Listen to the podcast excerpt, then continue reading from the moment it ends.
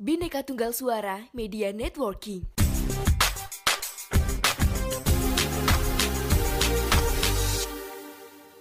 Halo Healthies, apa kabar? Sekarang kamu sedang mendengarkan Podfest, podcast ala Facial. Untuk topik kita kali ini adalah merdeka berekspresi dan bersuara.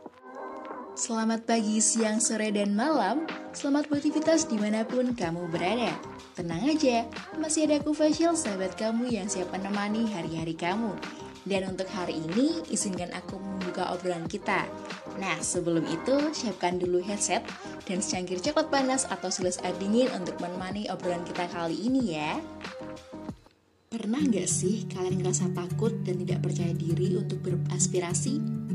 Sering kali kita rasakan ketika mau nyampein unek-unek pas lagi eval organisasi, eh nggak jadi disampaikan malah dipendam sendiri. Betul apa betul? Atau barangkali kita sudah mempunyai keberanian namun dihalangi oleh beberapa pihak. Itu tandanya kita belum sepenuhnya mendapatkan kemerdekaan bersuara. Nah, terkadang untuk mengekspresikan diri saat menemukan ketidaksesuaian praktik yang diterapkan, baik di internal organisasi atau bahkan dengan petinggi kampus sekalipun, kita sulit untuk bersuara. Mengapa? Karena semuanya dibatasi oleh suatu birokrasi, yang di mana dalam kita menyampaikan suatu aspirasi harus melalui beberapa step. Dan jika aspirasi tersebut diperuntukkan untuk jurusan atau kampus, harus disalurkan terlebih dahulu melalui organisasi resmi. Contohnya seperti Dewan Mahasiswa atau dengan Dewan Permusyawaratan Mahasiswa. Hal ini bisa membuat aspirasi mahasiswa stuck dan terkadang aspirasi ini juga masih dipilihin yang sekiranya cocok dan sesuai dengan situasi saat ini. Jadi, dengan kata lain, kita belum bisa mempraktikkan demokrasi yang sesungguhnya tersebut biasanya terjadi ketika kita berada di suatu organisasi pemerintahan. Namun, jika kita lihat dari sisi yang berbeda, tidak sedikit mereka yang berani mengekspresikan diri di media sosial yang hanya dengan menggunakan akun anonim.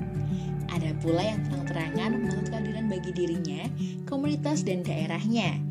Ada juga nih yang nunjukin kekesalan dengan berbagai kreativitas yang dimiliki, seperti desain poster, karikatur, menulis lirik puisi, bahkan menciptakan konten kekinian atau video reels di Instagram.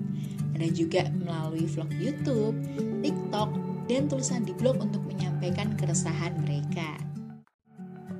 Suara-suara yang tetap terdengar lantang, tulisan-tulisan yang masih gencar dipublikasikan, seni-seni yang tetap dikreasikan membawa kelegaan tersendiri, Meskipun bagian kecil dari semangat itu setidaknya masih ada dan pemuda menjadi harapan masa depan agar layak kita mengatakan telah merdeka berekspresi.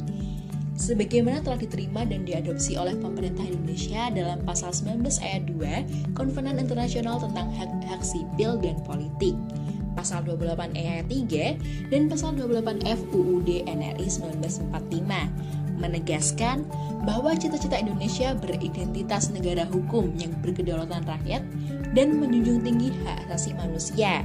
Jadi nih, buat teman-teman gak usah takut buat bersuara.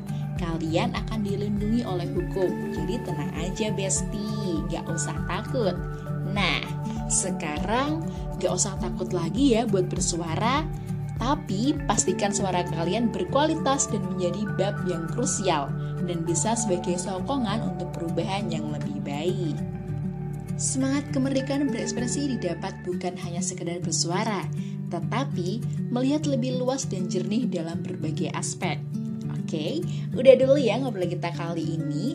Terima kasih buat kamu yang udah ngedengerin podcast aku. Tetap semangat dan tetap menerapkan kode etik dalam penyampaian aspirasi dan suarakan suara kalian.